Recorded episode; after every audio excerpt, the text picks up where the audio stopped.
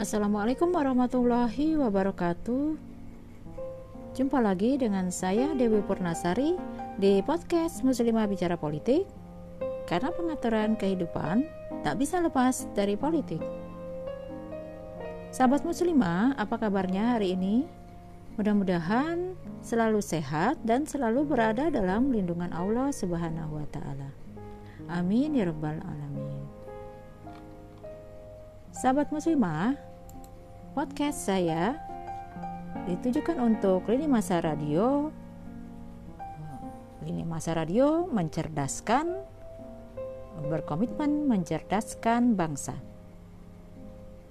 Untuk selanjutnya akan launching lini masa radio yaitu siaran radio yang bisa diikuti oleh sahabat muslimah semua terkait eh, berita-berita update dan banyak lagi segmen-segmen yang akan uh, diulas di lini masa radio. Karena itu, tunggu launching dan ikuti terus lini masa radio. Sahabat muslimah, kali ini saya akan membahas hal yang masih terkait dengan berita yang masih viral terkait uh, harta kekayaan atau gaji pejabat negara seperti Eh, podcast saya yang lalu. Sahabat muslimah, kali ini saya akan mengungkapkan kata-kata satir. Jadi, kata-kata pedas yang uh, pedih, uh, uh, perih atau bisa dikatakan getir ya. Tetapi kata-kata satir ini uh, bertujuan untuk memberikan penyadaran bagi kita semua dan ditujukan sesungguhnya bagi orang yang bersangkutan yang uh, saya harapkan mendengarkan kata-kata satir saya ini ya begitu sahabat muslimah yaitu penyampaian kata-kata untuk mengingatkan uh, apa yang harus uh, dibenarkan atau apa yang harus dikoreksi dalam uh, amal perbuatan dari orang-orang yang akan saya ulas berikut ini ya. Jadi ini terkait dengan harta kekayaan atau gaji para pejabat negara yang fantastis meningkat. Selama masa pandemi COVID-19 sementara kondisi perekonomian rakyat mengalami keterpurukan semakin lama semakin sulit semakin tidak memiliki uh, pemasukan atau nafkah karena hilangnya lapangan pekerjaan dan sulitnya mencari pemasukan bagi para pejabat negara, kata-kata satir ini adalah seperti ini ya. Gaji segitu wajar pada berebut ya. Para anggota DPR yang gaji mereka itu siapa? Kita, rakyat. Tetapi mengapa kita yang menderita? Sementara yang kita gaji berlimpah ruah dengan harta. Malulah kita yang menggaji kalian, sama halnya kalian bekerja atau kalian pekerja rakyat, tetapi kalian lupa pada rakyat.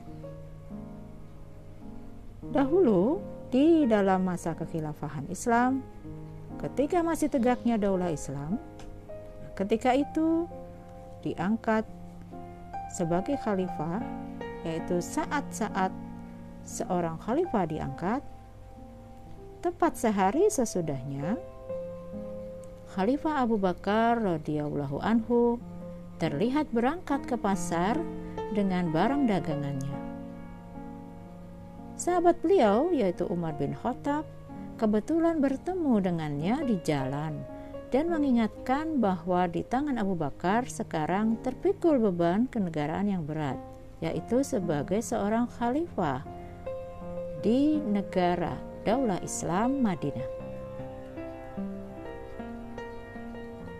Umar bin Khattab berkata, "Mengapa kau masih saja pergi ke pasar untuk mengelola bisnis?"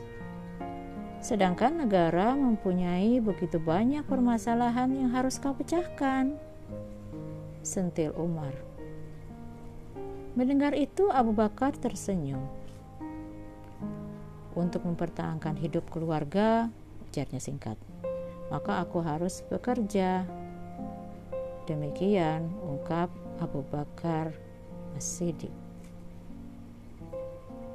Kejadian itu membuat Umar berpikir keras kemudian. Maka ia pun bersama dengan para sahabat yang lain berkonsultasi dan menghitung seluruh pengeluaran rumah tangga khalifah sehari-hari. Tak lama mereka menetapkan jumlah gaji tahunan sebesar 2.500 dirham untuk Abu Bakar radhiyallahu anhu.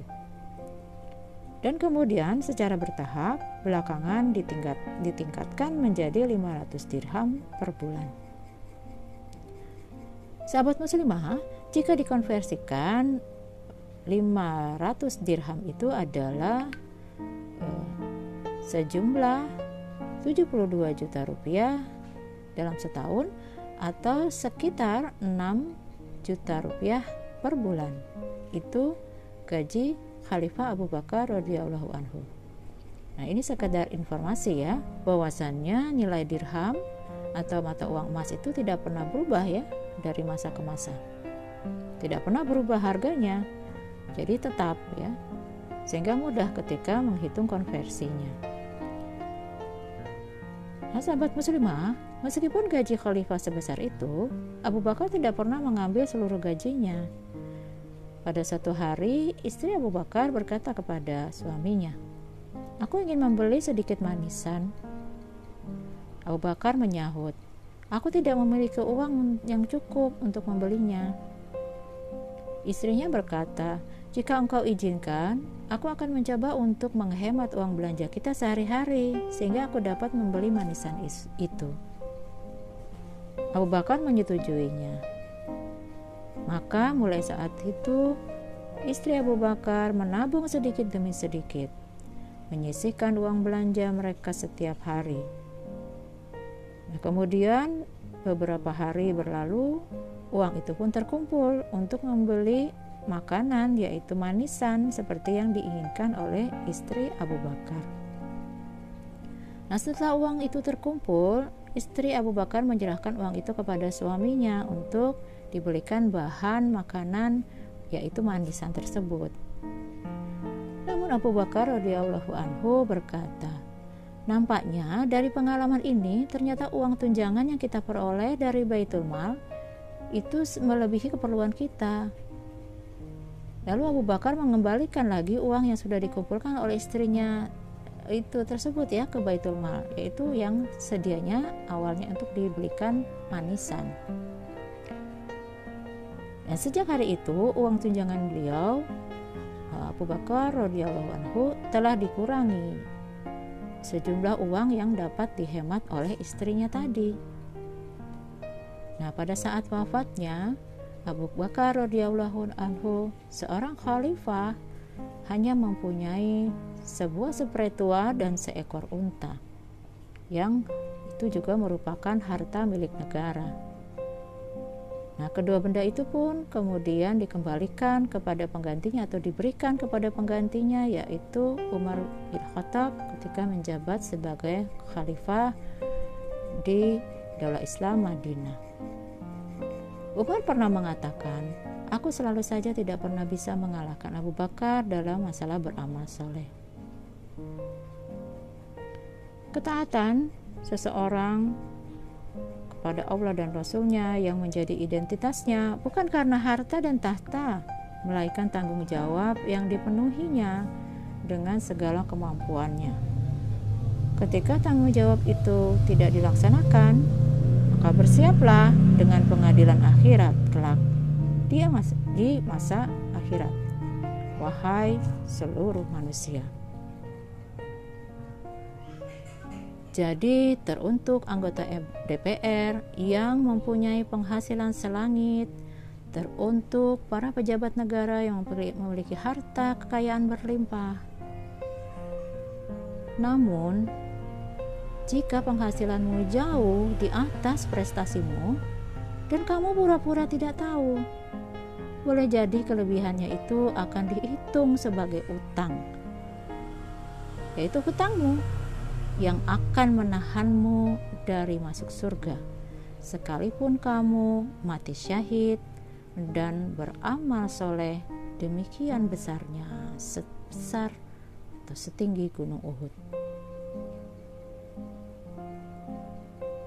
Nah, sahabat muslimah, kata-kata satir dari saya ini adalah petikan dari ungkapan hati atau aspirasi rakyat yang memendam rasa miris dan kepedihan melihat tingkah pola para pejabat negara, para pemimpinnya yang sedemikian rupa menyakiti hati eh, sementara rakyat yaitu kita sebagai rakyat demikian berjibaku untuk bisa hidup sekedar bisa makan untuk hari ini.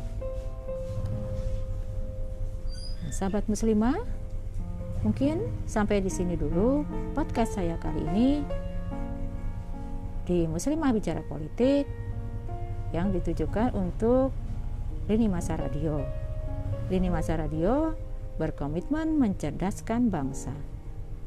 Saya akhiri ya, sahabat muslimah, tetap semangat, tetap istiqomah meraih ridho Allah. Assalamualaikum warahmatullahi wabarakatuh.